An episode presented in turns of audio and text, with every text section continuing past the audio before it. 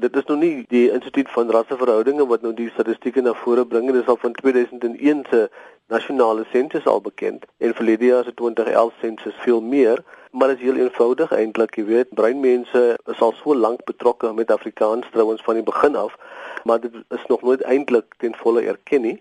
En as jy maar kyk na die media, jy kyk na feeste, jy kyk na nasionale uitdrukkings oor Afrikaans, dan uh, sien 'n mens duidelik wat die geleenthede daar is vir bruin mense en bruin mense se se leefwêrelde om nog aan bod te kom want hulle is nie op die hoofagenda nie. Sou jy 'n voorstel kon maak oor hoe 'n mens bruin mense op die groter agenda kan kry? Ek dink nou in terme van kunstefeeste, publikasies, uh, uitvoerende kunste, uh, media en so voorts. Nee natuurlik, jy weet dit is al baie jare bekend. Uh, daar is baie breinskrywers, daar's baie breinverhale.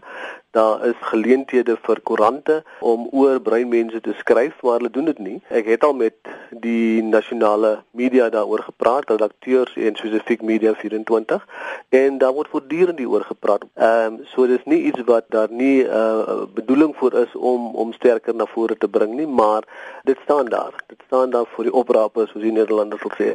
Ons by die ATKV werk al jare daarmee en ons is bewuslik besig om ons uh, organisasie meer erkenning te gee aan hierdie feit van die breë verskeidenheid van die taal. Daar het nou onlangs hierdie wonderlike boekie van professor Christo van Rensburg op versoek van die Afrikaanse Taalraad verskyn.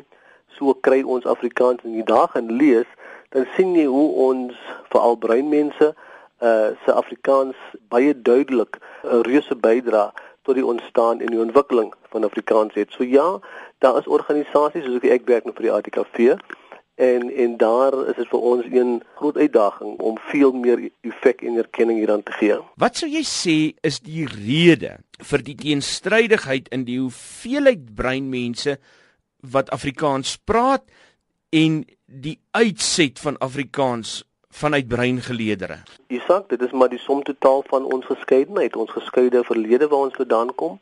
Die feit dat Afrikaans ideologies uh, verbind is en breinmense uitgeskuif is doelbewus as gevolg van die ideologie.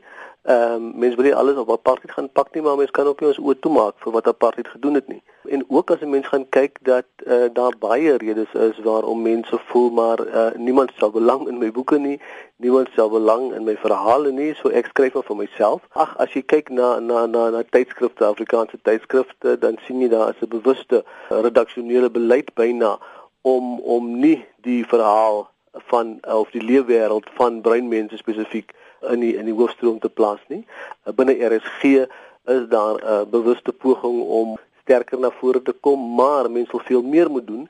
Ek dink daar is mense wat sal vra, hoe kan dit wat in apartheid gebeur het nog na soveel jaar uh, die skuld kry vir iets soos 'n tekort aan brein stemme in die Afrikaanse wêreld? Ja, jy weet mens mens moet in die eerste plek nie jou oë daarvoor sluit nie, Isak, en maak asof dit geen rol gespeel het. Dit het 'n rol gespeel. En dan moet ons kyk na die befondsingsorganisasies. Dan moet ons kyk na die na die strukture agter Afrikaans.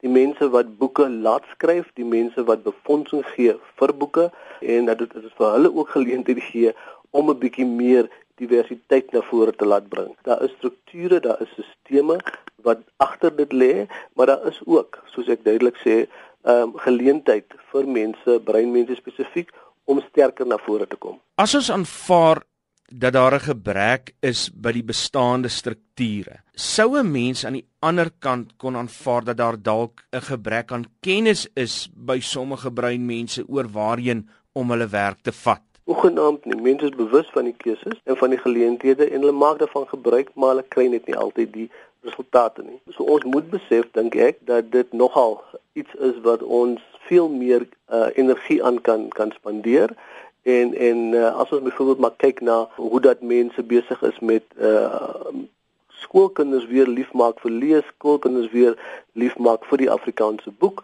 is daar prosesse aan die gang en dit is regtig nie 'n geval van wit mense moet nou oorkom na bruin mense. Dis regtig 'n geval soos professor De Stadler ook vandag in 'n rapport sê, ons almal se verantwoordelikheid om om meer te doen uh, vir Afrikaans.